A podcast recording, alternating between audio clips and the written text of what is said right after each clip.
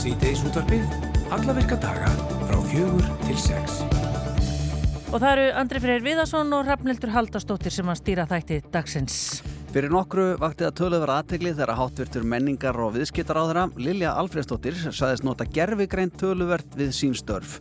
Um svipaleiti þá byrtist frettir um gerfigreint sem hafi lesið upp frettir í mynd í fyrsta skipti sem frettathulur og margir óttast gerfigreint og telja þessi, já þetta vera fyrstu skrifin í því að nú taki tölvunar endalega yfir.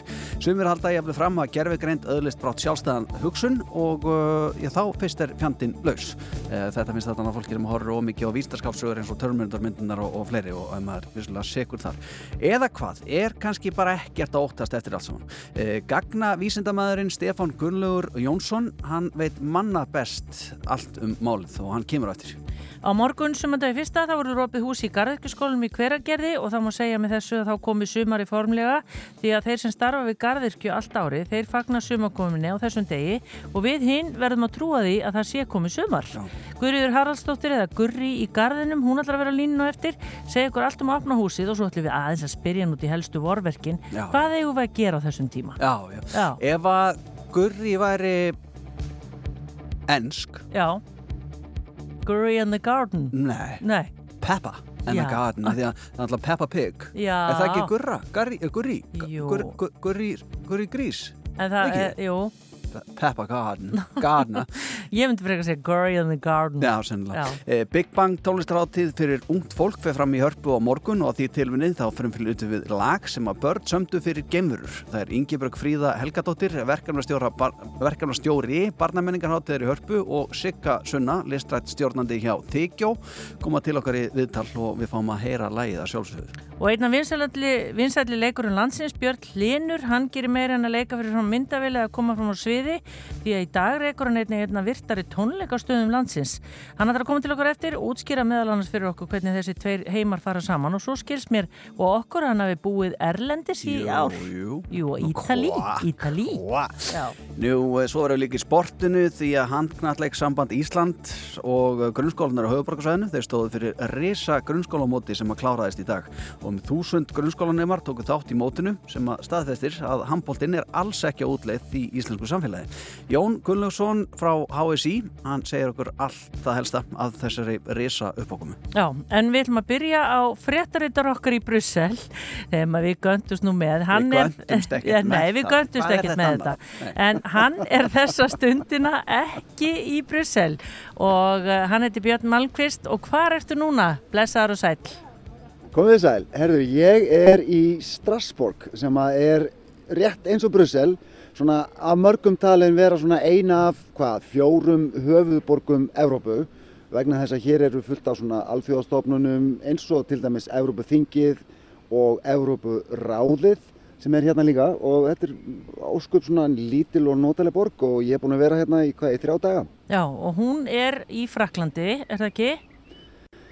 Þessa stundina, það verður hún í Fraklandi, hún hefur nú skipt um eignarhald nokkrum sinnum á síðustu hundra árum milli Þýskalands og, og Fraklands, hún hefur verið svona ímist í Þýskalandi eða Fraklandi eftir í hvernig vindar og, og svona stórvelda politík hafa blásið. Já, En ég kom hérna á, sagt, á, á, á sundarskvöldu og búin að vera hérna í tvo daga, þrjá daga vegna þess að ég var, í fyrsta lagi þá var ég að fylgjast með uh, máli á Evrópuþinginu sem að var greitt atkvæðu um í gær sem að, sem að fjallar um losunarheimildir á, á hérna á hérna gróðurhúsaloftegundum í, í flugi og það mál snerti nú Íslendinga talsvert, ég hef kannski heyrt af því í fréttunum. já, já, já, já. Síðan uh, í dag þá hef ég hins vegar eitt deginum í, í Evrópuráðinu sem er allt önnur stofnun og kannski, en kannski tengist Evrópusambandinu aðeins, kannski svona, eigum að segja, svona hugmyndarfræðilegur forveri Evrópusambandsins, stofna 1949 og þar eru núna 46 þjóðir, voru reyndar 47 í fyrra, þannig til að rússum var sparkað út úr Evrópuráðinu eftir innrást þeirra í Úkrænu. Eh, Þannig nefnilega vill svo til að Ísland er með formennsku í Európaráðinu og uh, því að við kannski hirtið á þessum leiðtóafundi sem verður í Reykjavík þangað sem að koma svona nok nok nokkur fyrirmenni einhver, Já, já. ég veit ekki eins og hvað mörg Nei, það er stendur eitthvað smá til í hörpu held ég í næsta mánuði Já, Já. félagin er hérna fréttastofinu sko, þeir láta bara eins og bílarnir séu að koma hérna saman aftur og spila hérna með ykkur höða sko. þeim þykir þetta það merkilegt sko. En sko, þetta eru bílunum sinnum tíu, Andrea, Já. það eru 46 þjóðir í Európaráðinu og ég held að langt flestir leiðtóðarnir ætlaði að mæta til Reykjavíkur eftir hvað, 28 daga eitthvað svo leiðis. En, en allt um það, sko, Ísland er búið að sinna formennsku hérna síðan í nóvember í fyrra og það sem að formennsku þjóðutan gera, þetta er sérst rótirar milli þjóðana, það sem að formennsku þjóðutan gera er að þær setja upp svona menningardagskrá í Strasborg í, í svona sem að sem að, sem að svona einblínir á, á, á menningu og siði viðkomandi lands og Ísland náttúrulega leti ekkert sitt eftir liggja frekar en fyrir daginn og, hef, og er búið að að halda úti hérna mjög metnaða fullri dagskrá hingað hafa komið kokkar til dæmis og eldað fyrir fólk og, uh, og alls konar viðburður. Hjá mér er nefnilega kona sem að hefur svona borið hitan og þungan af þessu, hún heitir Katrín Maria Tímon en er starfsmæður hérna fastanemndar Íslands hjá, hjá, hjá, hjá Európaráðinu. Katrín, uh, sko það er, hefur ímislegt gengið á er það ekki í menningadagskráni og, og það er ímislegt eftir ekki satt.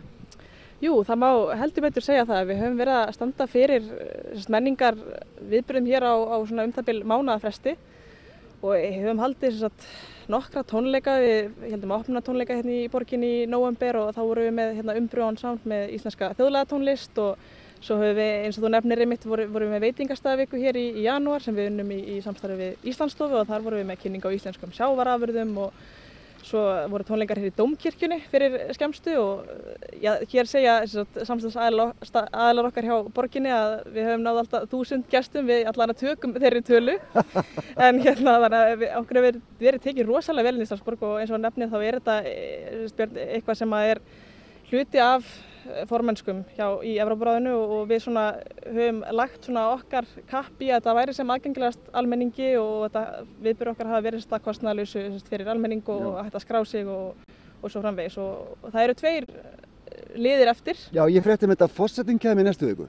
Já, hann, hann er að koma í, í næstu viku á, á hérna til Strasborgar og, og við verðum með í næstu viku líka sagt, uh, menningar, barnamenningar uh, viðbyrði. Það verða sagt, fimm síningar á, síningunni Mandir sem hún Odd Busson sem sagt, hefur, og, kemur til Strasborgar og mun vera sagt, að, að sína hér. Og þetta er fyrir börn frá 30 til 10 ára, þannig að þetta er svolítið annar hópur. Já, að sjálfsögðu. Og, og svo er, eh, hvað, Íslands dagur, minnum mig, 7. mæ, ekki satt? Jú, það er, það er síðasti, síðasti liðurinn í, í menningardagsfræðin okkar og, og verður svona sameinar svolítið það sem við höfum verið að gera. Er á laugadegi hérna í, í Strasbourg og við verðum hérna með bókmenta viðburð þar sem við verðum með bæði Jón Kalmann og, og Sigri Hagalín og, og Erik Búri. Svo, Sem er, sem er þýðandi, er það ekki, hann, þýðir franskar, fyrir ekki íslenskar bækur, á fransku. heldur betur, hann er nú bara, hérna, bara líkil, líkil maður okkar í, hérna, þýðingum hérna, hérna á milli. Þannig að er með bæði bókmyndir mitt og, og svo sérst, kveikmyndasýningu og bara svona alls konar skemmtileg heit. Þetta verður svona léttur, léttur bragur yfir þessu og svona lóku við menningardagskránni. Og mér skilst sko að, að öðrum ólastöðum þá sé Jón Kalman mjög, mjög, mjög þekktur inn í Fraklandi. Hann er nánast bara, bara, bara svona, svona bókmyndaseleb hér, ekki satt? Jú, það, það er al, algjörlega rétt sko. Það er nú bara eins og, eh, hann er nú bara rockstjarnar þegar maður nefnir hann hérna í, í Fraklandi. Mr. Stefánsson, það er alveg algjörlega eins og segir að öðrum ólastöðum allt það en, en hérna, hann er algjörlega á, á einhverju leveli hér sko sem Já. er. Þú hefur búið hérna í Strasbourg í talsverðan tíma, ekki satt? Uh, þetta er nú svona, maður kemur hingað, þetta er gríðalega falleborg. Uh, hún er ekkert rosalega stór og hún er, hún er svona, hvað við segja, róleg, hún er miklu rólegri heldur en París, ekki satt? Jú, Strasbourg er mjög svona, Strasbourg er mjög svona sérstök, sérstök borg, hún er náttúrulega rosalega sko, ég, ég hef verið hér síðan í, í mánaðamótin ágúst-september, í fyrra þegar við rétt svona áður en við tókum við formennskunni, þannig að það er nú komin nokkri mánuður og ég hafði búið í bæði Montpellier sem er í, í suðrinu áður og, og svo í Bordeaux, þannig að ég hef svona tekið þrjár mjög ólíkar borgir hérna í Fraklandi og, og Strasbourg er algjörlega sérstök að þýlindunum til að mér finnst hún eiginlega sko, hún er hvorki frönsk nýja þýsk, hún er, þetta er bara bæðir út Þetta er bara bæði og, og hvorki nýja þetta er bara Alsas og hérna er bara mjög þægileg borg. Hún er Mhm. örugg og, og þægileg og, og allt það sko en, en hún er, veit, Starsborg er ekki París og Starsborg er ekki Brussel en Starsborg er, er Starsborg svo sem. Og við setjum hérna í, í garði sem heitir Orangerie garðurinn og að því að það var nú verið að tala um það í fréttum áðan, það var átjónstega hitti á allam stað. Hér er sko tólsteg og skíjað, voru er ekkert sérstaklega mikið komið hérna.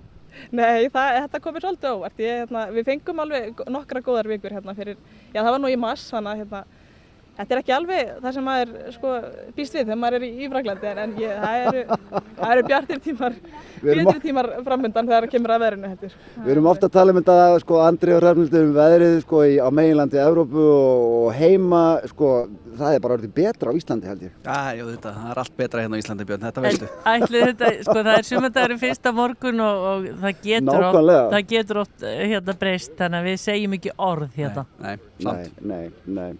Herðu, látum svo lokið hérna frá Strasborg og, og skiptum yfir til Íslands. Ég heyri ykkur í næstu viku vantanlega frá Brussel.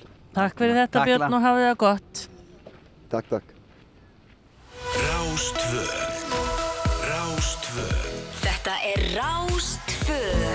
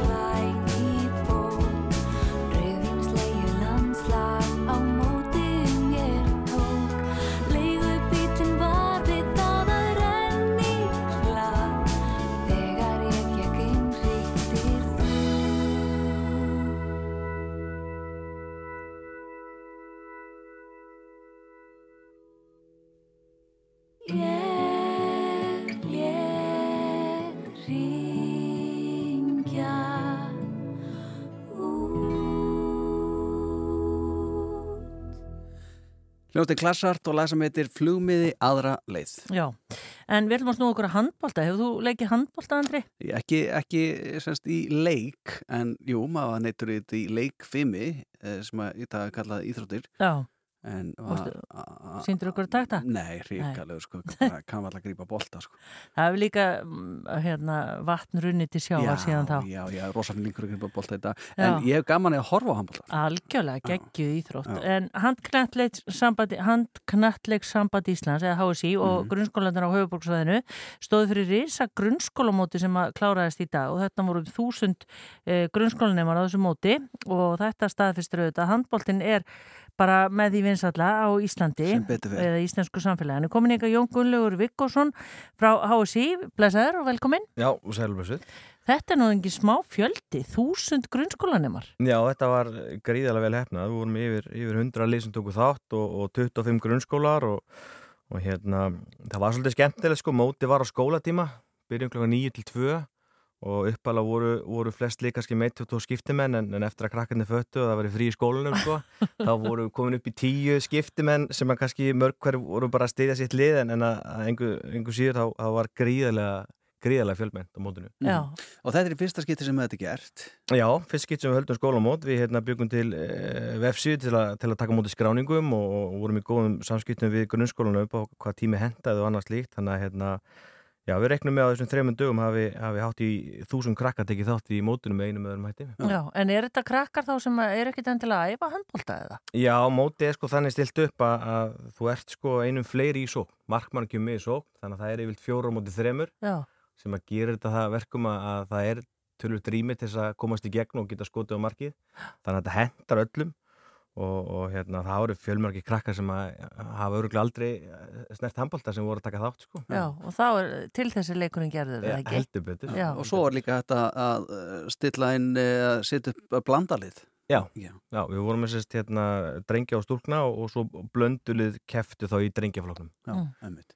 Hvað hérna, eh, ég menn áhugin er gríðalegur á handbólta á Íslandi en er samt þannig að þið þurfið að sækja börnin hérna úti sem að kannski er ekki endilega æfa neina íþróttir og fatt ekki bara þau getu komist einhvern tímann í landslið eða eitthvað? Já, sjálfsögðu að það er að halda kynningunni og markassetningi verður í lægi sko. Við Já. erum til dæmis núna uh, fræslu uh, ráðið með hérna, æfingar núna á Akaranesi og, og, og Reykjanesi og það er gríðilega vel sótt og, og það er náttúrulega handknallik sambandsins að, að, að kynna áfram og halda áfram og, og íta undir að krakkarnir komi í handbólta og, og svo náttúrulega ná að halda þeim áfram þar inni sko. og skólamóti er náttúrulega bara liður í því að hérna að fá krakka yfir í handbólta og kynna, kynna íþróttina sko. Já. Þetta, það var semst spilað eftir, uh, já það voru mjúk boltareglur. Hvað er það? Já, mjúkbóltareglur eru, eru þannig sko að eins og ég sagði þá eru rauninni fjóri sem fari í sókn á móti þremu varnamennum og einu markmanni. Þannig að það eru fjóri inn á vellinum í einu og svona fljótandi skiptingar þannig að krakkarnir hlaupa bara út á og inn á sko. Þannig að það geta margir tekið þátt og, og hérna, Býtu, ég ætla að spyrja semst ef að markmaðurinn er með, Já. fer hann þá úr markinu? hann fer úr markinu og tekur þátt í sókninni. En það er alveg hættulegt ef einhver langskó. Það Já, er en gert í svo- dag í, í, í leiknum Já, en svo, náttúrulega er ein regla að þú getur ekki skora frá þínu vallarhelming. Þú þarf alltaf að komast yfir miðjuna. Já, Þannig að þannig krakkarnir hafa tækjar til þess að hlaupa tilbaka og, hérna, og, og, og spila þá sókn og, og vörd sko. Já. Já. Þá er það bara sko stóra spurningin. Uh, hvaða skóli vann? Það voru sko, við vorum með fymta bekk drengja og stúlkna og sjötta bekk drengja og stúlkna Já. og sko það er gaman að segja fyrir því að það eru fjölmargir grunnskóla sem að heimiluðu sko heilu bekkjum að koma á og horfa á úslalegina það voru rútur sem komu það var, það var gríðarlega stemning sem, var, en sem myndaðist já. Já. og ef það er eitthvað sem krakkarnir hafa lært af TikTok og hérna YouTube þá eru alls konar söngar sem þau voru að syngja með leikindin voru í gangi sko. Það var, húið var tekið og ég veit ekki hvað, hvað trommur og lætið sko, máluði framan og allt en í fymta, fymta bekk eh, stúlkna voru, var það Engidalskóli sem að sigraði Já. Eh, í fymta bekk drengja var það Hlíðaskóli Já. Í sjötta bekk stúlkna var það Breiðgeriskóli og í sjötta bekk drengja var það Engidalskóli þannig að Engidalskóli tók tvo byggara af fjórum Hvar er hann? í, Engidals? í, í Já, í Hafnafyrði. Já, já, Fyrðingar, þeir eru nú alltaf verið annarlega Já, handbólta snillíkar. Það er F-háingar og valsarar hann eða ekki, það er náttúrulega hlýðaskóli er það ekki allt valsarar? Jú, jú, svo Já. Breiðgeriskóli eru vikingar Já, að já, vikingar, já. Já, svo, það var alveg uh, lindaskóli í Kópája með tvöli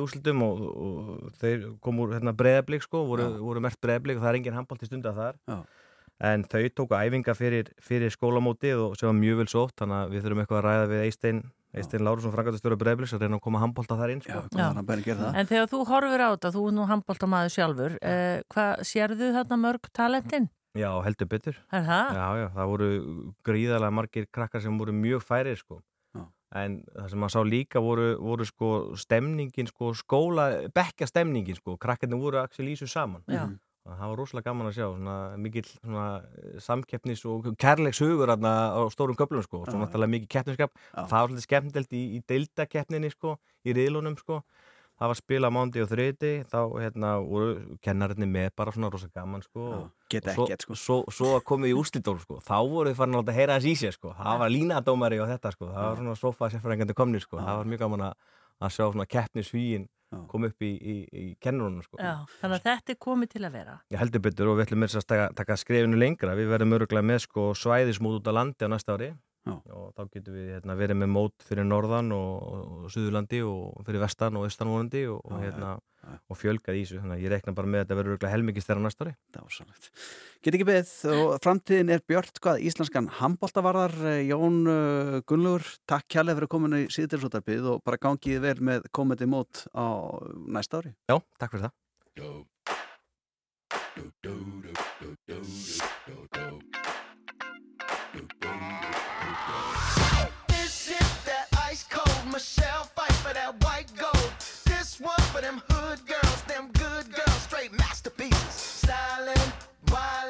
Living it up in the city. Got Chuck's on with Saint Laurent. Gotta kiss myself, I'm so pretty. I'm too hot. hot Call the police and the fireman. I'm too hot. hot Make a dragon wanna retire, man. I'm too hot. hot Say my name, you know who I am. I'm too hot. hot And my band bought that money. Break it down. Girls hit you, hallelujah. Girls hit you, hallelujah. Girls hit you, hallelujah. Cause Uptown Funk don't give it to you. Cause Uptown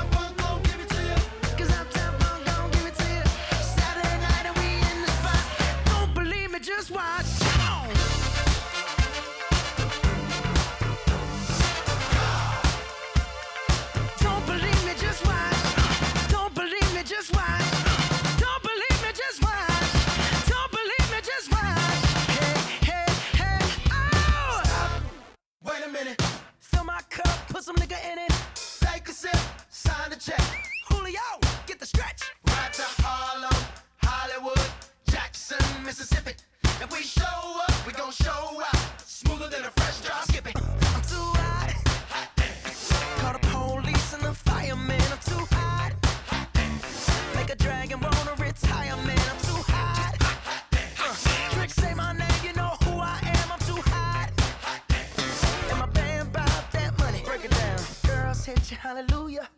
Girls hit you, hallelujah. Girls hit you, hallelujah. Cause Uptown Funk don't give it to you.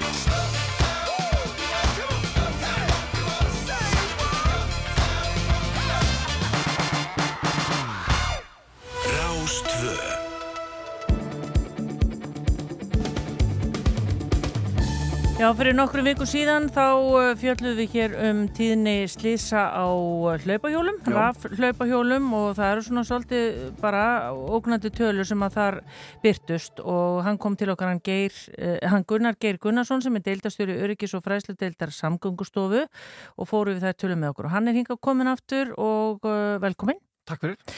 Nú ætlað þú aðeins að segja okkur frá nýjum tölum sem eru svona heildartölur úr uh, umferðinni, það er að segja slísatölur frá árunni 2022. Já, við, Hvað er svona það, það aðteglisverðasta þar? svona það aðteglisverðasta er kannski, má segja, sko, við erum með svipaða tölur milli ára en, en þegar við greinum tölurnar niður þá erum við að sjá mikinn árangur á, á ákveðnum stöðum en, en svo eru nýjir þættir sem að vega móti þeim árangri þannig að við endum í heildin á sama stað.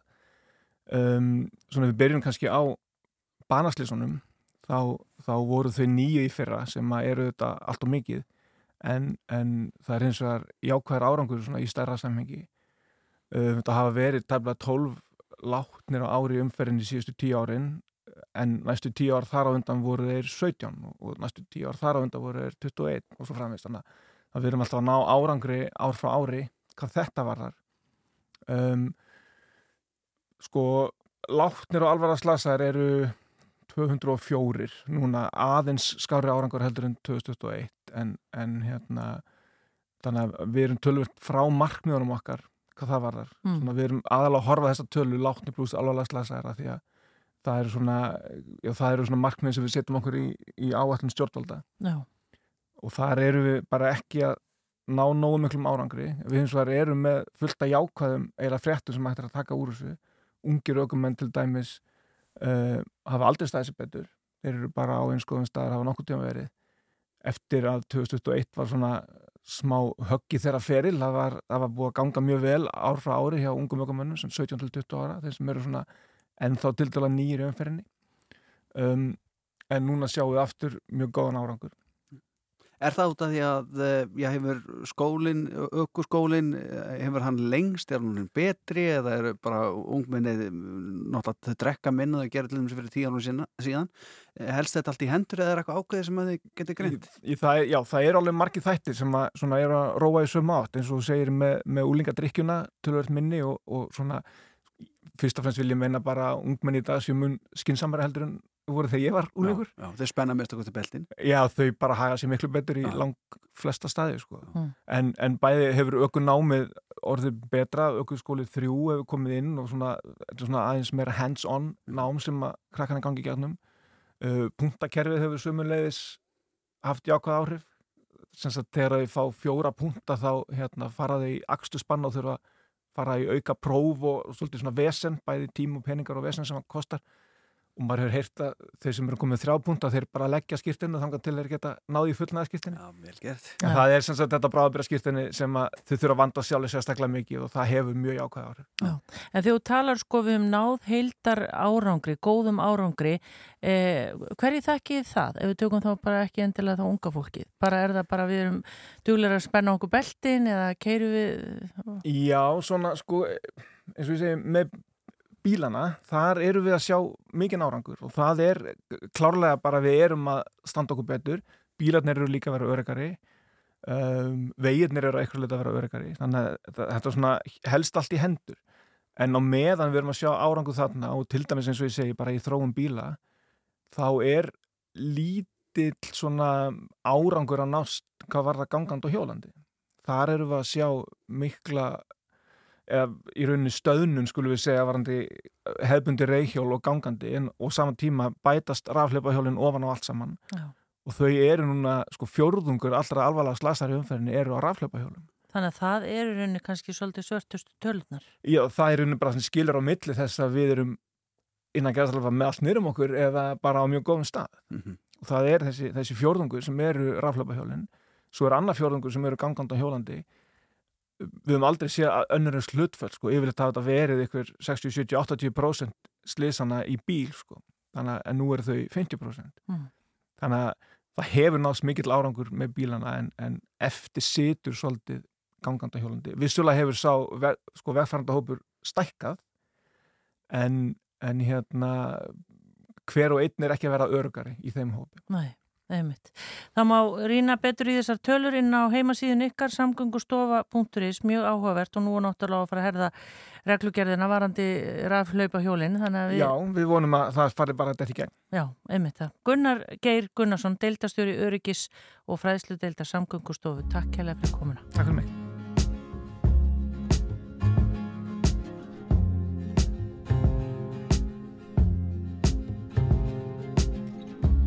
I'll be honest.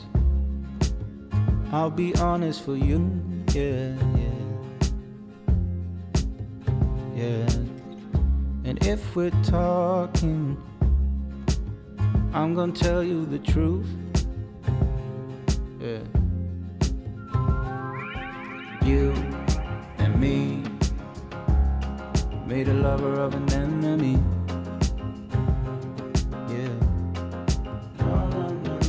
Stockholmsville We're gonna make a memory.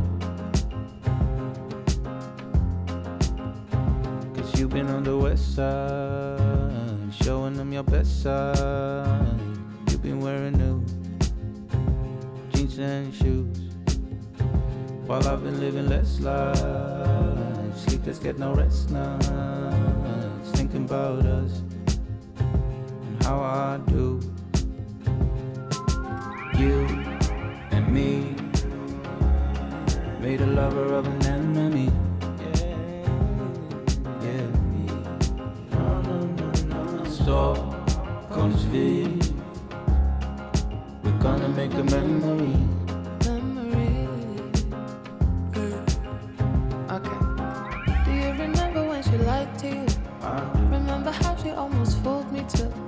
You could do better, I mean honestly. This is your city, it's your Stockholmsville. Light rain is a veins, diamonds on my face. I don't wanna say I'm not okay. You say you wanna go, I wanna stay. Baby, it's okay. Yeah, I'm okay by myself. You and me made a lover of an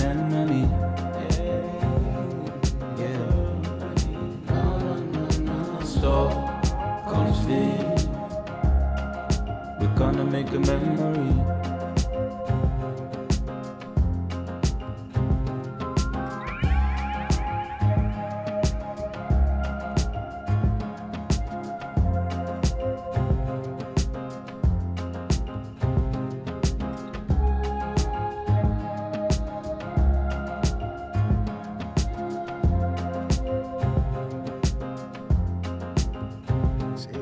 Er næsti gestur okkar mættur í hljóðverð, hann er Björn Hlinur og er nú þekktu fyrir það að vera leikari, hann gerir nú meir en það, eh, við ætlum að ræða svona aðalega hitt sem hann gerir.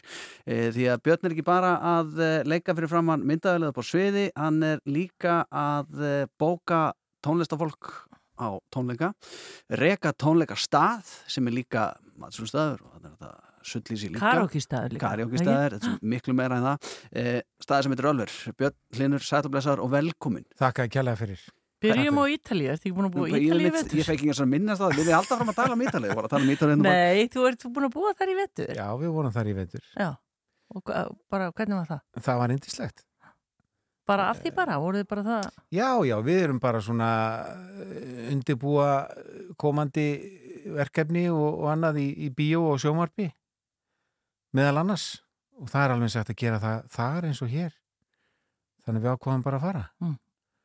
og þurftum svo að koma aftur núna og um, við vorum með einhverja sjö mánuði Já. Já. Og þetta er blóma tími staðaris, varst að fjastýra skemmtist þannig svo á meðan? eða? E, já, já, við gerum það nú, við erum nú þrýr saman hann sko, þannig að við bara við, þetta rúl, sko, Ölver er bara eins og, eins og flugmóðuskip, sko það fer bara svona, búið að vera hérna í 40 ár og það siglir svona hægt og öruglega bara svona í gegnum hérna, heimsfaraldur og, og allskins vesen og, og þannig að við bara siglum á, á, á svona rólegu stími alltaf í gegnum allt, sko. Já, en þetta er nú samt verið í tölvöru þróun staðurinn síðan að þið tóku við og nú er þetta orðið já, svona meira tónleika staður heldur en hann var kannski. miklu meira en hann var en hann er, hann er sko við bættum eiginlega bara við hann er búin að vera náttúrulega í mörg ár mikil svona sportstaður þetta, Já. með bolta og svo leiðis Já. og, og hérna og, og spila púl og pílu og allskis hópar að koma og, hafa gaman en þessi stóri salur sem við erum með var svo bara að því ég bara tónlistar eh, unnandi sjálfur og ég, þú veist, það var, mér varst bara vöndun á þessum stað. Þetta er kannski svona eins og ef fólk hefur farið norður á græna hattin, þú situr bara þægilega við borð og hlustar á lifandi músík. Það er ekkert mikið þessu stöðum eftir í bænum. Nei. Þeir eru þetta til, en, en þeir eru ekki margir, sko. Þannig að mér fannst bara, ég svona hóaði, fann svona aðeins svona, bara svona fílingin í tónlistabransanum, bara hjá fólki sem ég þekki og þannig að við ákvaðum að gera mjög bara svona vinalega díla, við bara keftum uh, flott og mikið hljóðkerfi og, og við svona bjóðum bara tónlistafólki að koma og þú, ef þú kemur heldur tónleika þá bara ræður þú hvað kostar inn og þú fær bara allar aðgáðsverðin í vasan og við erum svona að reyna bara að byggja þetta upp sem bara svona option fyrir tónlistafólk að koma á allt tónleika. Þegar þú segir stór salur, e, bara af því að svolítið landsinni fór á Ölver, hvað er það annar salur heldur en bara Já, aðalsalur? þetta eru nokkri salir sko. Já. Það er eitt svona, eitt sem er svona aðalsalurinn er, er, já þetta er svona auka salur. Það er svona komast mjög auðveldlega svona 150 manns í sæti við borð. Það er Já. að taka hana 200 okkar mannsinn. Já. Þannig að hérna, það er bara ídeal fyrir eins og íslenska, íslenska artista að selja kannski svona 100 miða upp í 150, bara svona mjög þægilegt. Já. Annars ertu kannski komin í svona hörpu uh, háskóla bíó sko, sem er allt annað. Einmitt. En við vildum bara svona fara fyrir eitthvað hægt í sakirna. Við erum ekki á hverju einasta kvöldi og ekki um hverju einustu helgi. Við erum svona, það búið að vera hansi stíft upp á síkasti. Blues samfélagið er búið að koma svolítið mikið inn. Já, blúsáttíðin, hún var núna. Blúsháttið já. var þetta tvö kvöld núna Já. Í dimbilvikunni og hérna Gummi P. gítarsnillingur hefur verið þarna nánast mánaðalega. Ætla kom COVID okkar, við byrjum aftur á því með gesti sem er bara svona einmitt frábærstaði fyrir svo les. Já, já. Uh, við fengum styrk frá Reykjavíkuborg til að hérna, kaupa nýtt og frábært uh, þeir eru með, uh, frábær sjóður sem að borginni með sem að styrki tónleikastæði bara fyrir það sem þarf hvort það sé aðgengi eða hvað sem það er en við erum ekki vandræð með neitt svoleiðis en við fengum styrk upp í flott og fínt hljóðkerfi Mhm. sem er svona, ég get alveg ímynda mér að það sé uh, gott fyrir uh, fyrir hérna tónlistar fólk að geta gengið inn og svona nánast stungið í samband og bara Mhm. og fengið lána hjá okkur posa og, og, og selt með það sko.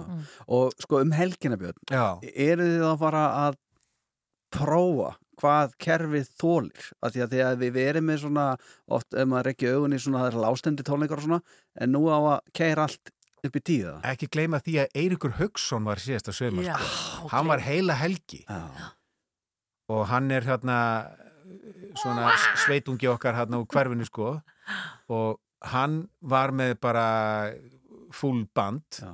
Þannig að það var nú alveg testað þá sko. Já, okay, en ok. við erum náttúrulega bara við hliðin á bara eh, sko, alfeima blokkin hérna næst okkur glæsibæði bara þú veist nokkru metrum frá okkur þannig að við reynum alltaf að byrja frekar snemma og við reynum alltaf að vera búin með tónleikana eh, ég meina, fyrir 11 Já, í guðana Við bæri meina aldrei það að- er verið að kvarti við pílukastaðinir í bæ, sko. Ég veit ekki fá sko. álma, Ég veit álmeflokkinar það. upp á Þannig að við, við viljum frekar bara hafa að byrja klúa nýju, búið klúa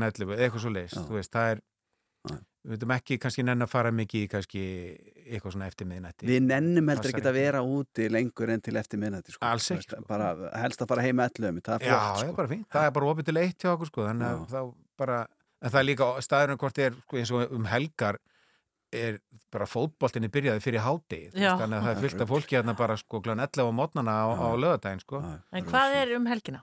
Já, Já, það er saga að Það segja vissi, því. sko. það, það, er, það er hérna hljómsveit úr Keflavík sem heitir D. Jimmy and the Sepp Creams Mhm.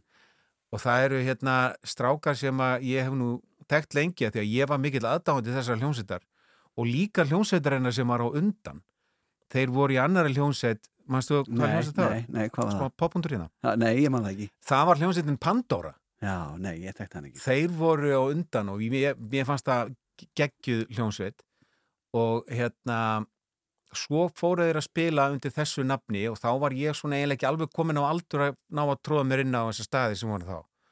En við reyndum okkar besta við félagarnir og stundum náðum við að detta inn á eða muni staði eins og tveir vínir og eitthvað svona. Já, já, einnig frí. og ef það var kannski einhver hérna, hérna í hurðinni sem var ekki alveg onnit þá náðum við að slæta okkur inn hérna við vinnirnir og það var þvílíku upplifun sko.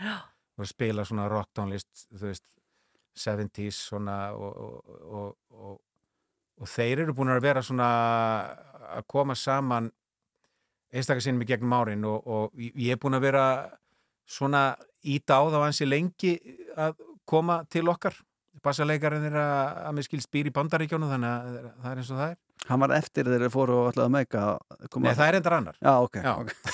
Vá, þú er búin að vinna poppunkt, það er 2-0 Ég bara, ég dýrka þess að hljómsveit og hef alltaf gert sko, þannig að mér finnst aðeinslegt að hérna, þeir séu að koma að spila Er það förstu á lögadag eða? Nei, þeir, ætla, þeir eru að spila í kvöldi í Keflavík, veit ég, á stafföllum tólingum og svo verða þær hjá okkur á föstudaginn. En, Svo verða þessi mennu að kvíla sig eitthvað líka. Þeir eru örugglega fermað um helgina Já, já. eitthvað, þannig að En Björnlinir, ef einhver er að hlusta, einhver hljómsveit og svona, ég meina, hvernig þarf að byrja sig að? Þarf að vera langur fyrirvara á þessu eða hvernig gerir þetta? bara hafa samband einhvern veginn við okkur og, og, og við viljum sko við, við viljum fá meira konum til að koma og spila hjá okkur Heyriði það, þarna úti? og hérna við erum svona að reyna að ná til sem flestra með það en það er svona við þurfum, okkur langar rosalega að balansera kynja kvótan hjá okkur en það er svona uh, já, við, þurfum, við erum bara svona að reyna að vinna í því og þess vegna vil ég bara ef einhver heyrir þetta sem veit ekki að þessum stað og vil koma endilega að tala við okkur. Það held ég uh, Deep Jim in the Sap Creams á staðnum hans uh, Björns uh, og félaga. Og þetta er á Förstu daginn. Þetta er á föstudaginn. Þetta er á föstudaginn, akkurat. Uh, takk ég alveg þetta og gangið vel. Spurðum ekkert um leiklistina, við gerum það næst. Já, Já, við erum að tala um að annað, við hitta erum mig og tala um að- Ítalíu hérna þeirra andri. Já, hittist bara alveg í kvöld. Ah, Takk fyrir. Rástvö Fyrst og fremst með þér á Rástfö Alltaf fáránlegt að vera hérna með bjöllin að tala um Deep Jim in the Creams og tónleika þeirra á Ölveri á föstudaginn án þess að spila lag með hljóðsildri. Hér er lag af fyrstu plötunni, Funky Dinosaur. Þetta er fyrsta lagið, Haya Gurusha. Where the sun doesn't shine, strange things happen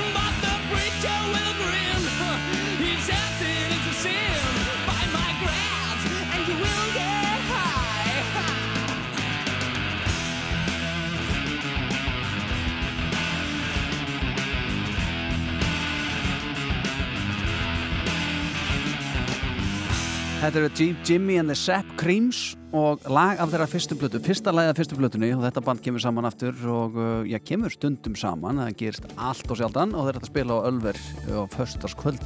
Vá, það, það ekki mun ripna. Ég hugsa það og uh, þegar þeir gáðu nú þrjár plötur, það var nú stutt, já stutt, síðasta komið 2010, það var svona endurkomu blata. Svo var eina það, ég man ekki hvað mannst eftir annar plötunni, þeir máluðu sem sagt umslægi á henni, það var engin, ekkert umslægi á gesli sem eins.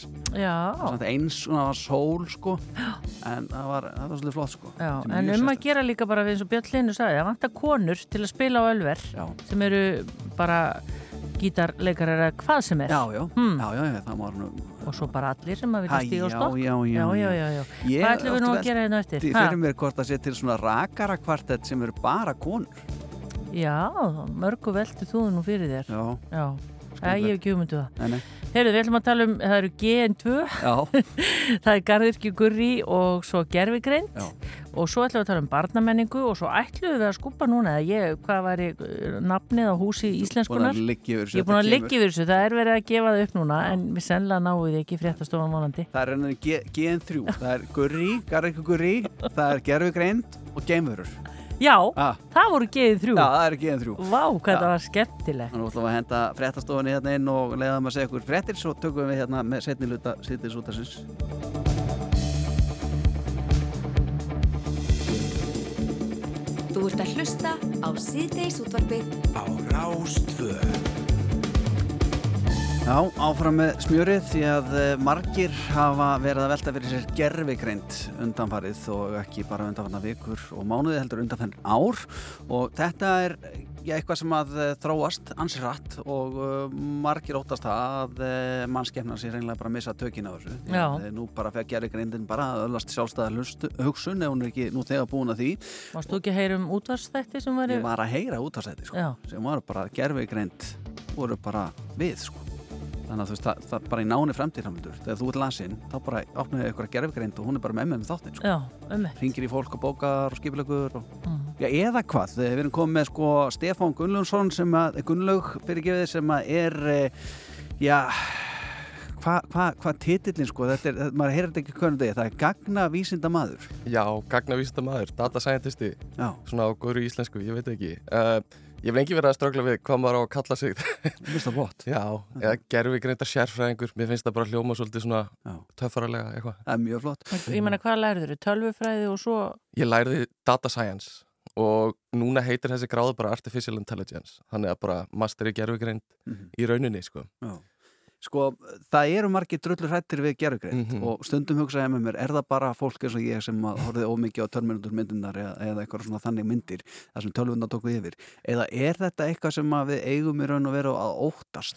Nei, eh, kannski ekki óttast en það eru náttúr- náttúrulega sko mikið af hættum og ekki endilega einhver svona róbótar að ráðast á fólk uh, heldur líka bara oft segðferðilega spurningar sko, varðandi bara gagnasöfnun og, og hérna bara svona hegðun á gerfugrindinni uh, mér finnst ólíklegt að þetta verði eitthvað stríð og eitthvað svona sem við erum að berjast við fólk, nei, berjast við róbóta Ég sko. verð ekki sé byrjunum á törminundum Ég séð einhverja Terminator myndir og uh, það er allavega svolítið í það Já, okay. en hérna það eru hins vegar fullt af hlutum sem við þurfum að pæli tengdri gerfugreind sem getur verið hættulegir og hérna tengist rosa mikið gögnum eins og námið mitt hér data science og svo var það endur skýrt í artificial intelligence þannig að maður sér svona það er ná, svona mikið náið samband á milli gagna og gerfugreindar Mm. og hérna En hvað, hvað byrja að hættast? Mhm. Hvað byrja að varast? Það var hann bleið fréttum í gær, bara Mhm. held ég viðtal við uh, fórsvarsmenn í Háskóli Íslands sem að þurfa að hugsa upp á nýtt hvernig þið fara yfir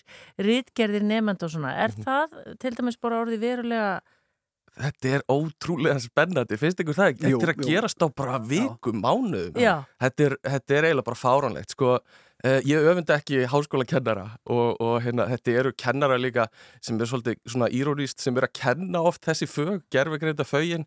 Uh, þannig að, að hérna, já, þeir þurfa að passa að, að nefndur sé ekki að nota gerfegreind til að skrifa allt fyrir sig og það er svona klísja finnst mér orðið að segja við verðum að passa að, að gerfegreindin uh, að við séum að nota hana sem tól en ekki bara að sé að, hérna, að við séum að svindla með henni eitthvað svona. Við þurfum að breyta hugsunin okkur um nám uh, sem er alveg rétt út af fyrir sig og það er allir að segja þetta núna en það er bara hægra sagt að gert. Við erum að byggja á svona námslega séð hefur nám ekki breyst í kannski þúsund ár. Það er fyrirlesari og söru nefndur að hlusta þannig að við þurfum já, að breyta rosa miklu núna um hvernig nám fer fram og líka bara hvernig samfélagið er að fara að þróast af því af því, uh, Andri, þú varst að segja mér bara um daginn að Lilja Alfres Mhm. hafi verið að tala um að hún væri að nota þetta í Já, sínum störfum hún notar þetta í sínum störfum hún þarf að komast uh, til bóðs ykkur málum og Einmitt. uh, ná sér ykkur upplýsingar og svona bara þá einhverja notar- hag, einhver hagfræði kenningar já, og já, eitthvað já, já. Uh, og svo líka sumstæðar í svona stofnunum sem er að reikna út alls konar hvernig framtíðar horfur um eitthvað fjármál og eitthvað annars slikt gerfigreindin er miklu flinkara en þessir átta einstaklingar sem er að sjá um það Já. eða fleiri sko Já, algjörlega, þeir eru með bara allt internetið á baku sig í rauninni í kollinum sko. Uh, en maður þarf að passa sig. Af því, af því uh, hún, hún, við erum ekkert vissum að hún sé að segja satt og Mhm. hún áða til að bulla sérstaklega þessi GPT gerfugreind sem er sem Hún er náttúrulega alveg óþolandi, Já, sko. Já, sem er rosalega vinsæl núna. En hérna, af því ég hef spurt hana um eitthvað svona vísindalegt og hérna skrifaðu grein fyrir mig sem á að gera þetta og þetta, og þetta og ví, til, vísaðu í aðrar vísindagreinar og þær vísindagreinar eru bara bull. Mhm. það er bara búið til, það er bara hljómar sennilega. Uh, þannig að, að svona, ég set alveg spurningamerki við það sem Lilja Alfreds er að gera Já, um hagfræðikenningar. Uh, en ég, ég veit Ég held að hún sé ekki að nota um hagfræðikenningar við mögum ekki blanda því saman, en Ok. hún svona aðeins hefur notað þetta. Já, já, hún hefur aðeins notað, Ekki á hvernig degi, kannski- ég veit ekki um það en hún allan hefur notað þetta. Hvað ringt hún í því, hvernig veistu Þetta þetta? var í frétt og þú lesi ekki búið En svo er það annað sko, það er sko þetta þróa svo rosalega hratt Mhm. og margir tala um það að hugsanlega sé bara hún komin gerfugreindin með Já. sjálfstæða hugsun. Telur eitthvað til í því? Sko, þetta er rosaleg spurning. Af því, sko, hvað er gerfugreind við vorum alltaf að hugsa bara þetta er starffræði, tölfræði, eitthvað svona. Nú er þetta komið út í sálfræði og jafnvel heimsbyggi og svona hvað er að vera með greind og meðvitund og eitthvað og þetta er það sem sci-fi myndir hafa verið að reyna að svara í bara marga áratugi. Bara Terminator og Já, já. myndin Her og Já. eitthvað svona frábæra myndir sem eru að vinna þessa vinnu fyrir okkur bara svona að hérna, hvernig áttum við okkur á því hvað meðvitundi er og eitthvað svona. Ég held að við séum ekki alveg komin á hana stað í dag að þetta sé meðvitund. Bara svona, svona vitandi hvernig svona starffræðin og, og fræðin virka bak við það sem er að gerast. En það má bara alls ekki mis miskilja það sem að draga eitthvað úr þessu af því að þetta er ótrúlegt tæki. Þetta, er, þetta er það bara. Uh, hvernig við erum að nota tungumálið það sem, er, það sem við höfum verið að ræða mjög mikið nýlega er þessi mállíkon sem er chat GPT Já. sem er einhvern veginn bara að nálga tungumálið okkar og bara að búa til einhverju svona veru sem, sem veit hvað er líklegt að okkur þykir næs að komi næst í setningu þannig að þetta er svona nálgun á tungumálið finnst mér þægilegt að horfa á þetta Já. og svo er búið að þjálfa það hvað mannfólki finnst uh, góðar setningar Mhm. þannig að þetta er ótrúlegt tæki en þetta er ekki með neina meðvitund bakvið sig Nei. nei. En Stefán, þú sko, maður hugsaði sko, hérna, er eitthvað þetta að stoppi þetta? Þú veist, það, eins og þú sagðir, þetta er búið að gera svo Mhm. ótrúlega hratt bara Mhm. eiginlega síðustu vikur. Ég Nefnilega. get svarið það. Já, Þetta er ótrúlegt og fyrir mig sem er svona að reyna alltaf að vera með puttan á púlsunum og vera í kafi í þessu það er bara í hverju viku sem kemur eitthvað nýtt sérstaklega tengt að búa til myndir og svo þessi málikon sem eru alltaf einhvern veginn að toppa sig og toppa sig uh, sko það, það er algengt með tækni að bara alla tækni að hún byrjar hægt að þróast svo kemur eitthvað stökk þar sem hún bara skýt skýst upp í lofti, bara þráðbeint og svo hægir á því aftur og hún svona jafnast út. Og við sjáum þetta til dæmis með bara snjallsímana. Þeir voru svona hægt í byrjun svo kom iPhone og það var ákveðið bara svona boom í nokkur ár og svo er svona núna er dans fyrir að róast Málið með gerfugreind er að við vitum ekki hvar á þessum skala við erum erum við bara nýbyrjuð að stökkva upp? Eða erum við, að því við erum klárlega í einhverju, einhverju svona blóma núna í þessu og það er spurning hversu lengi það heldur áfram áður en þetta svona hægist á þessu. Uh, eins og er, er engin svona, er ekkert sem segir okkur að að hægast á þessu endilega alveg á næstunni. Já.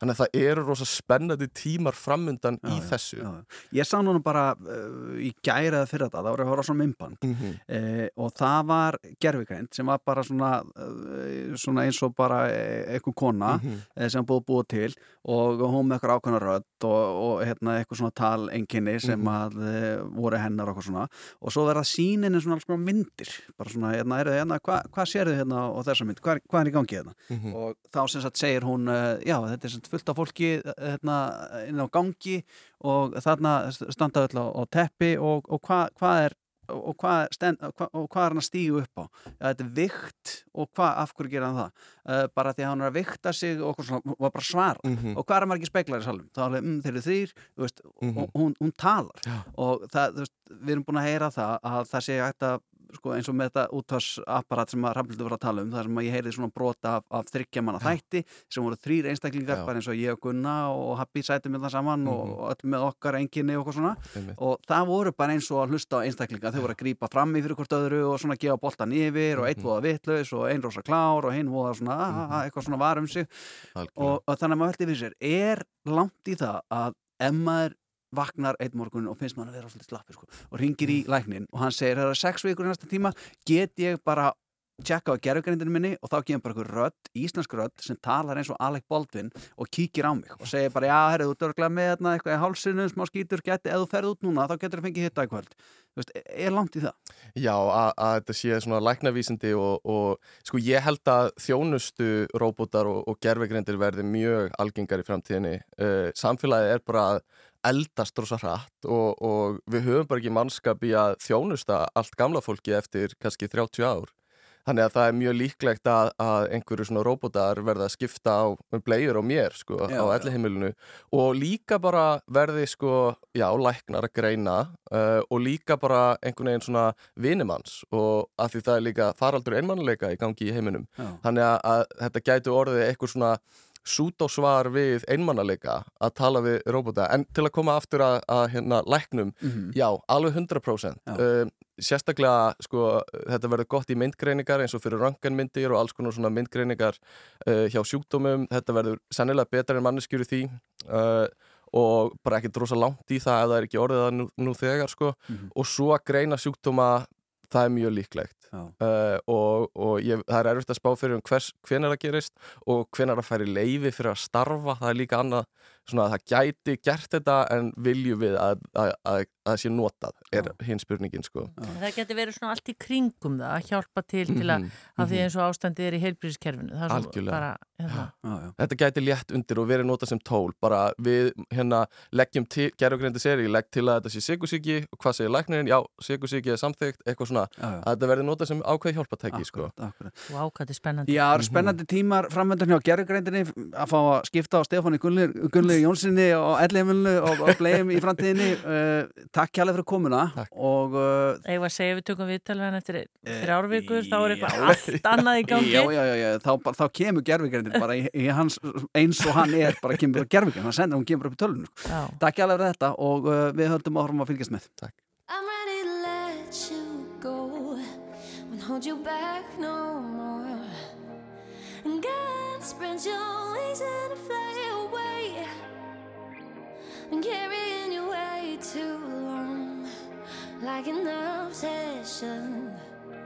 I thought you were a living part of me, but I got my power in my hand. You hold no power over me, and I take my flowers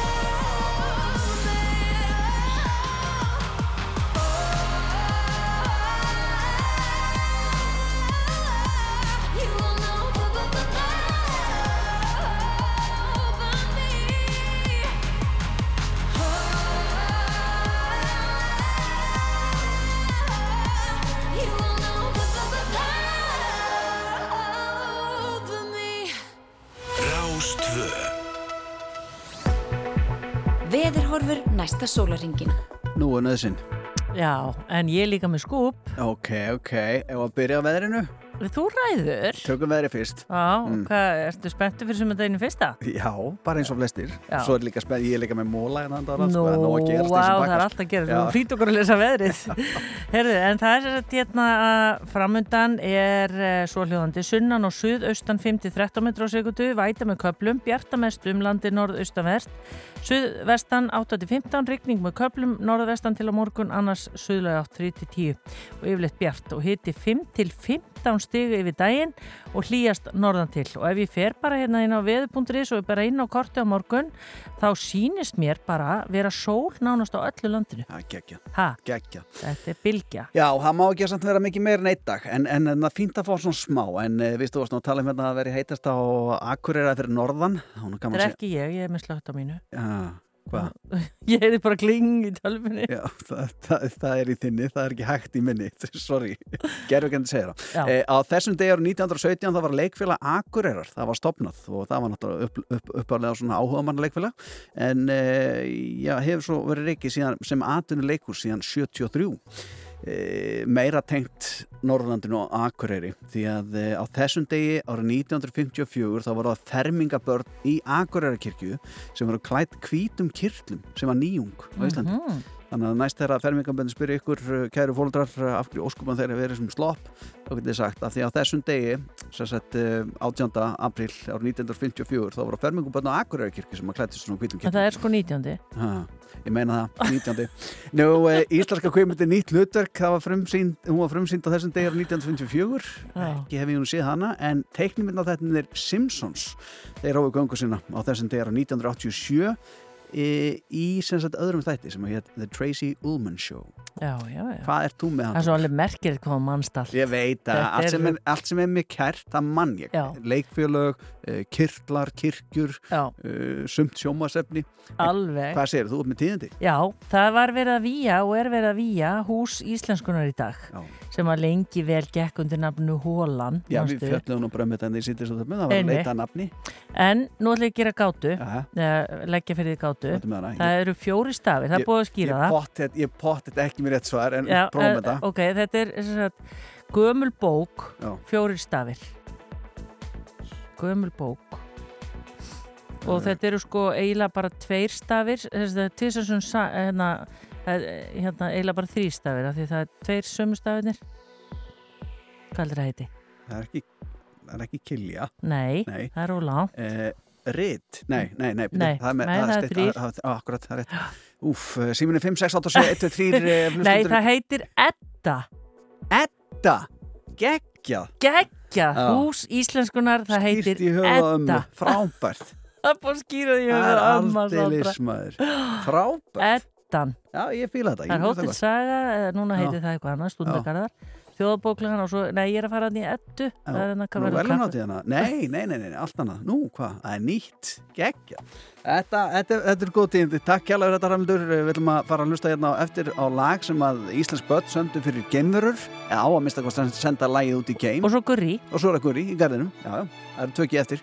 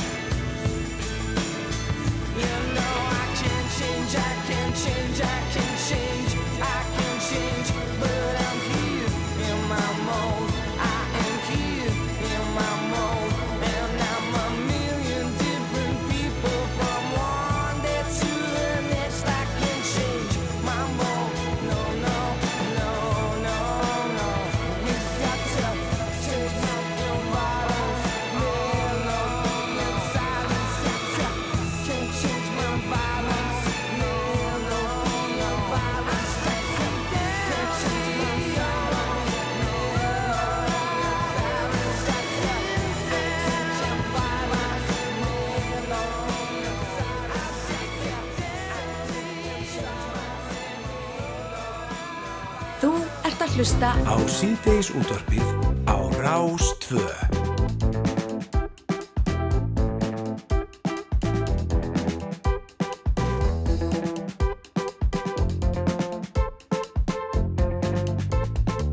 Nú er langt komið minn tími Ég sest niður, læt úr mig líða hvað mig langar í Svo ég ákveða hingrað eins og býða Er það lakrís eða hlaupangsi? Bara það sem veldur ekki bakflæði. Eitthvað sem lina minna þjáningar Og vekur ekki upp á þægilegar spurningar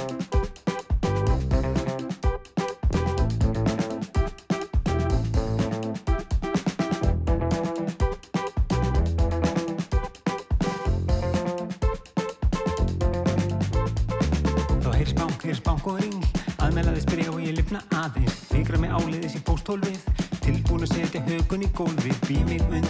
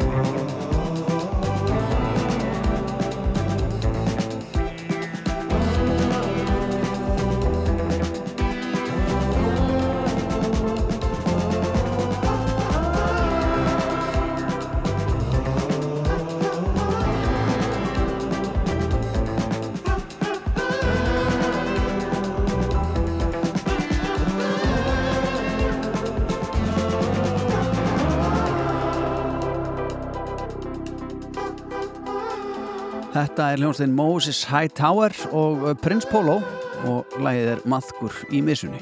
Já, og uh, það er eins og við erum margóft hefur komið fram. Sumadagurinn fyrsti á morgun og það verður mikið um dýrðið hveragerði því að Garðirkjuskólinn ætlar að opna þar allt upp á gátt og við erum oft fjallað um þetta því að það kemur eiginlega, þannig er alveg geirnelt að sumarið er Já, já, komið. já, já. Og ef að þau segja það, þar, Þau vita það. þau vita það. Guðrjur Helgadóttir eða Gurri í garðinum, hún er á línni, kontur sælublessuð.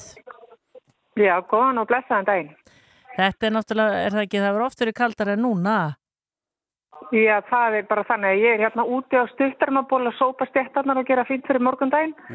Þannig að það er hérna, það er, það er ekkert oft þannig. Nei, En þetta er alveg, það er æðislegt veður og, og það var sól á morgun. Er, er sem sagt, það er, dot, það er sem sagt hætt núna að það bóði gott ef að vetur og suma frjósa saman. Það, það, er, það er búið, það er ekki þannig lengur. Úf, þetta er ótrúlega erfið spurning. Ég Mm. fór ekki að segja þessi hægt, en ég hérna skal játa að uh, mér finnst þetta ekki hafa alltaf gengið eftir. Nei, ég er sammála, þetta er bara bull. Þetta á ekkert við lengur. Ekki fullkomlega. Nei. Ha, Nei, nei, við höfum að þetta verði bara allt æðislegt og ég minna að Siggi Stormur var nú að tala um sumarveðri um daginn og þá bara verið sól og blíði þarna hjá okkur, Já. þannig ég ætla bara að trúa því. Við eigum að skilið, Gurri. Við eigum það svo sannarlega skilið, sko.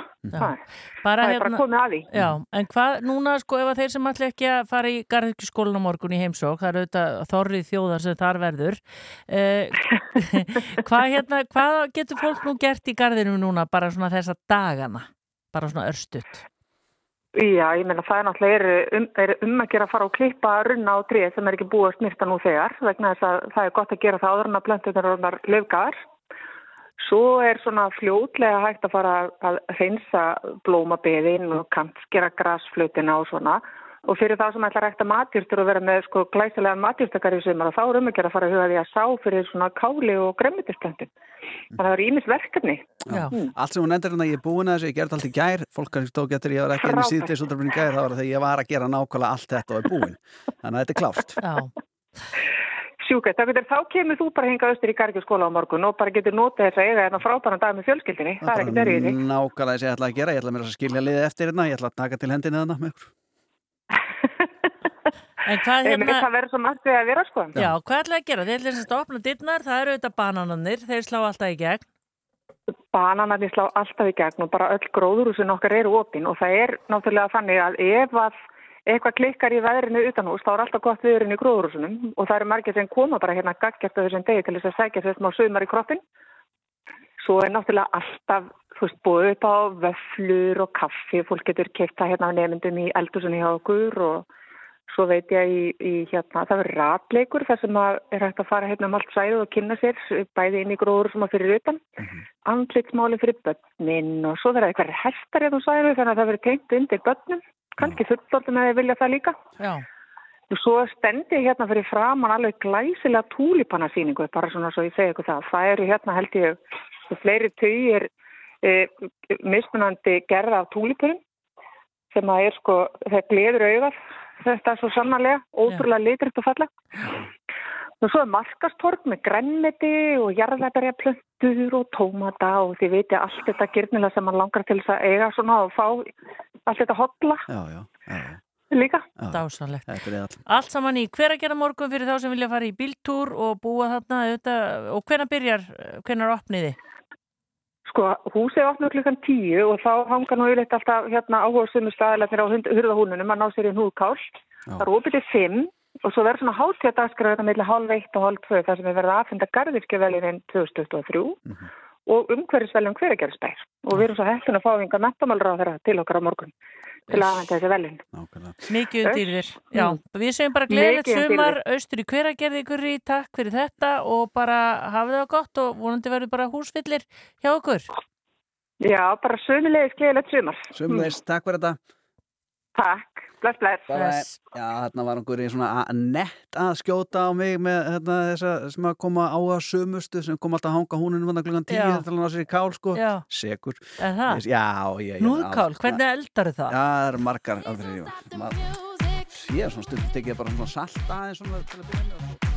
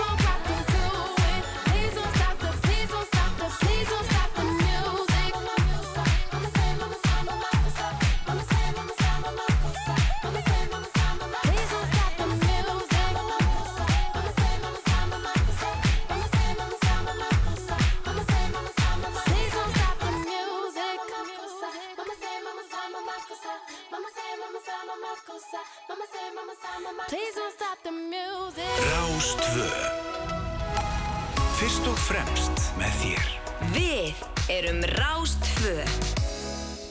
Eins og glöggir hlustundur vita þá stendur yfir barnamenningaháttíð og það er mikið um dýrðir og börnin einhvern veginn þeim er lift upp á næsta, eh, næsta stall og eiga náttúrulega alltaf bara að vera þar.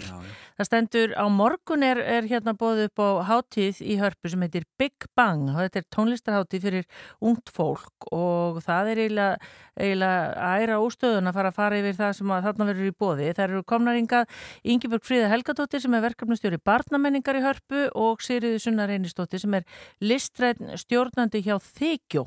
Hvað er nú það? Þykjó? Þykjó er þverfælegt hönnunatemi fyrir börn, þannig að við erum að hanna hérna, upplifunar hönnunarvörur og innsetningar og, og fleira.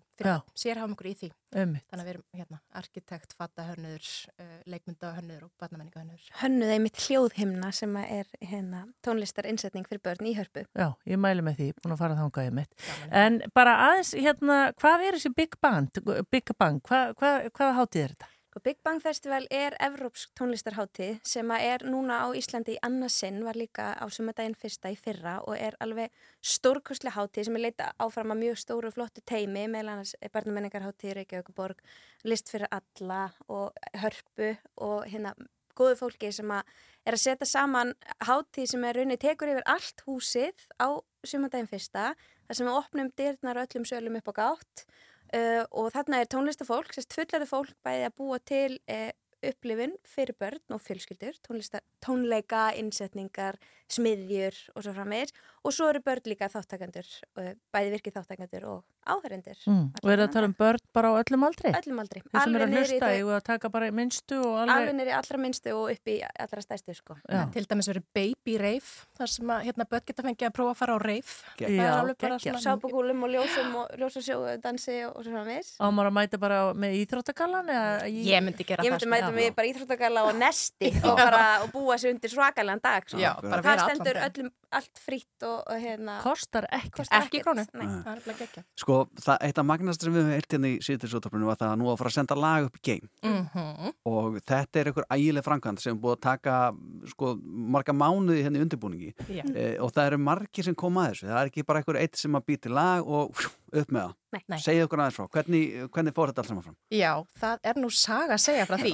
Við hérna lögðum svona af stað í þess að vegferð í haust, sérst í september, þá vorum við með svona sem við köllum send-off í hörpu og komum með mitt hingað og síðan þá er þetta verkefni, gullplatan sendum tónlist út í geim, búið að fara út um allt land, það eru átján grunnskólar, bæði á höfuborgarsvæðinu, á vestfjörðum, hveragerði, skagafyrði, Dölunum.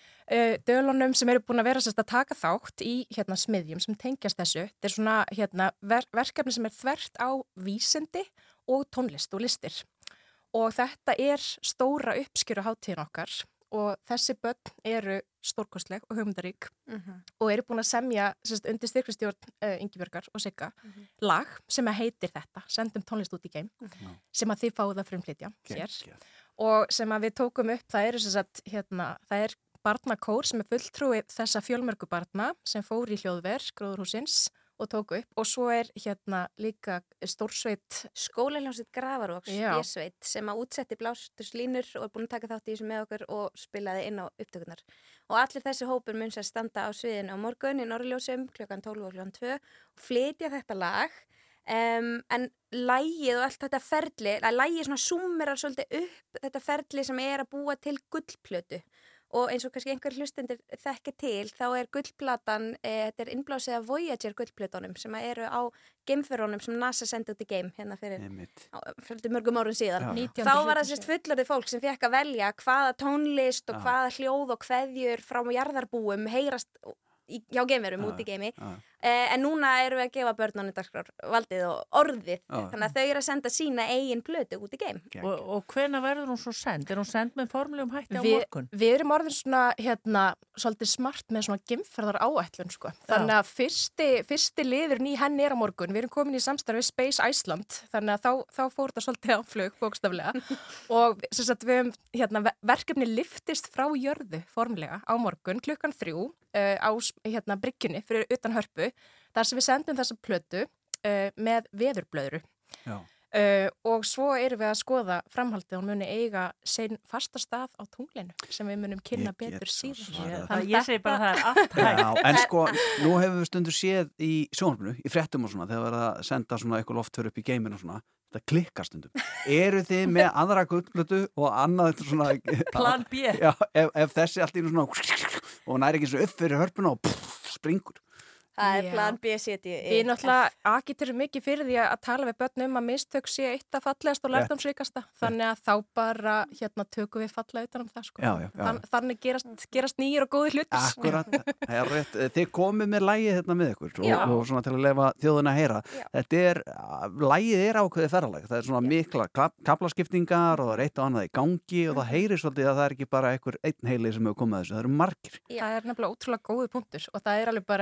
Það er alveg hægt að pinpointa það er raunin, er þetta að bera kennsla á bara, það er ein hending sem kemur sannarlega frá já, börnum í hveragerði og það er önnur hending sem kemur frá hópi landakvæð skóla. Já, við erum sem sagt, ég er svo heppin, ég er bæði sérst, er að vinna í hörpu en ég er líka bara sjálfstæð starfandi í tónlist og vinn með hérna manninu mínum, Sigga, sem svona teimi sem að við erum bara svona veiðarar, við förum og veiðum upp úr börnum og setjum saman og, og hérna hjálpum þeim að, að lifta því svolítið upp. Þannig að við fengum að hitta hópa úr Ísaksskóla, Landakottskóla, Lauganeskskóla, grunnskóla hveragerðis og skólahjálpsveit Grafvoks og við veitum og settum saman fórum með þessu stöðli í stúdíu og það eru börnin sem að þeir eru að fara að hlusta á núna. Vá. Sko, ef að einhver geimveru fjölskylda er úti í, í kemi að bara, bara ferðalega, bara sumafrí maður veit ekkert hvað ástýra gangi hérna menn að þau eru ykkur frí og þau eru á krúsum og þau eru ekast á gullplötuna Mhm. og þá hérna fer, hérna, ég veit ekki litla geimveru barnið 1 af 5 eða, eða 100, maður veit ekkert hvernig þetta er sko siglir út á litla geimfarinu sínu og að Mhm. sér eitthvað hlutan og maður sjá, var, sæktu þetta bara, kíktu bara á þetta Mhm. og hvað hei, ég fann hérna lag og hvað heitir það, segir pappið eða mamma Mhm. og hvað heitir það? Hva, hva, hvað segir? Það heitir náttúrulega bara því frábæra, lag, uh, frábæra nafni sendum tónlist út í geim. Það heitir Sendin tónlist í game Það og hvernig- gat ekki annað við. Nei, nei, nei, Það nei, nei. Þá vitum við það, Þa, þá þarf ekki að kynna það fyrir ekkar inn Eh, Frumflutningur. Já, Já, við fengið okkar allra besta Sævar Helga Bræðarsson til þess að taka utan um þetta moment og hann er með smá kynningu á þessum plötum Ah. áður en að lægi er frumflutt á morgun. Æðislegt. En svo bara allir í hörpu og hvenær þarf fólk að vera mætt? Tónlistarháttin er stendur yfir frá 11 til 5 og ég held að munu engum leiðast, ekki eina mínútur. Sko. Nei. En hvað með gameskotið? Ég meina, ef maður ætlar að horfa á það með berum augum. Er það loksöðugleru eða eitthvað bara sólgleru Nei, áhörundur horfa að fylgjast með innan úr hörpu Ah, það eru náttúrulega svo margir já, gluggar í hörpu já, já, já, það er auðvitað að horfa út sko.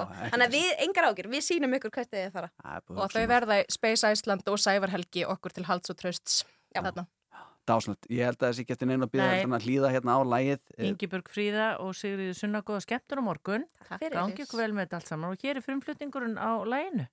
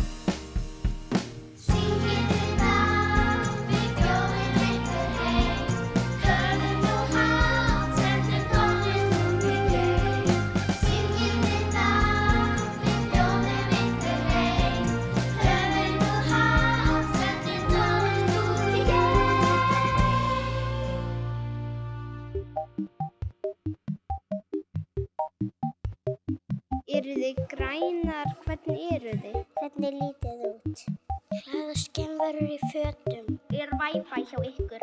Hvaða gremmiti borðið? Hvernig eru þið gemverur til? Hvað gerir þið á daginn? Hvað gerir þið til að skemmt ykkur og svona? Hvernig hérna talið þið? Eru þið bara svona eða eru þið bara svona svona eins og ég? Bara, halló? Ég nota hendurnar til þess að ná í eitthvað. Ég nota fæturnar líka til þess að ganga um. Vi sender jer en hilsen med fred fra jorden. Vi sendte ikke fædrekvæði fra jødene.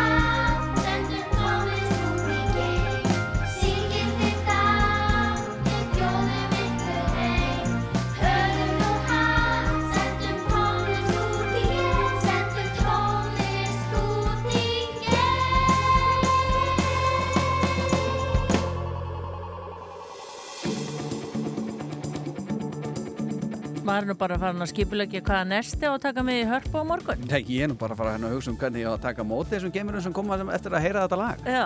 Ég menna að þú veist, þetta, gefum okkur það að það sé eitthvað staður út í alheiminum. Það er ekki einskip með vondum gemurum sem eru á leiðinni ykkur að gera sem ætla bara Já. að taka úr út sko, sprengja allt í loftum. Heyra þetta lag. Já, þetta er... Bara, snúum við, slepp mér sem bara, eða koma, er þetta fínt fórskan maður, kíkjum maður á það. Hver veit, hver veit. Herðu, við vonum bara að uh, landsmenn allir njóti þessa fyrsta dag sumars. Mér finnst við einhvern veginn eiga að skilja þetta á frekar erfiðu vetur, hann var kaldur. Nei, nei, Ha? Hann var þessi Ég er að meina veðurlega. Mér fannst það bara fínn veðurlega sér. Þetta er svona. vetur, þetta á að vera svona. Mástu starfinn sem ég var að koma með henni veðurinn á sín tíma um, um, um sko kuldatölur. Já, ég veit. Þetta, veist, þetta er bara... En, já, já. en við skulum allavega njóta, við verum aftur hér á föstudaginn og uh, þá bara er eitthvað allt annað til umfyllunar í sítið Já, já, alveg eins og það verður eitthvað allt annað hérna í, í okkar tíma á morgun í, í e, útvarpinu. Það er Já. náttúrulega svona Við breytum oft til. liðhafnar dasgrá hjá okkur sko.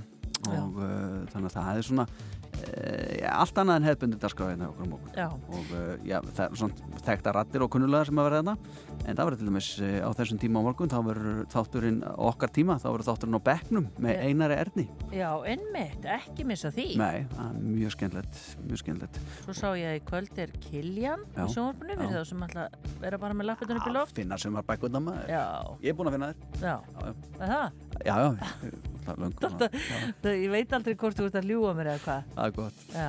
En við ætlum að fara að pakka þetta saman og hleypa okkar uh, fólki að sem að sér um uh, útastáttin speilin.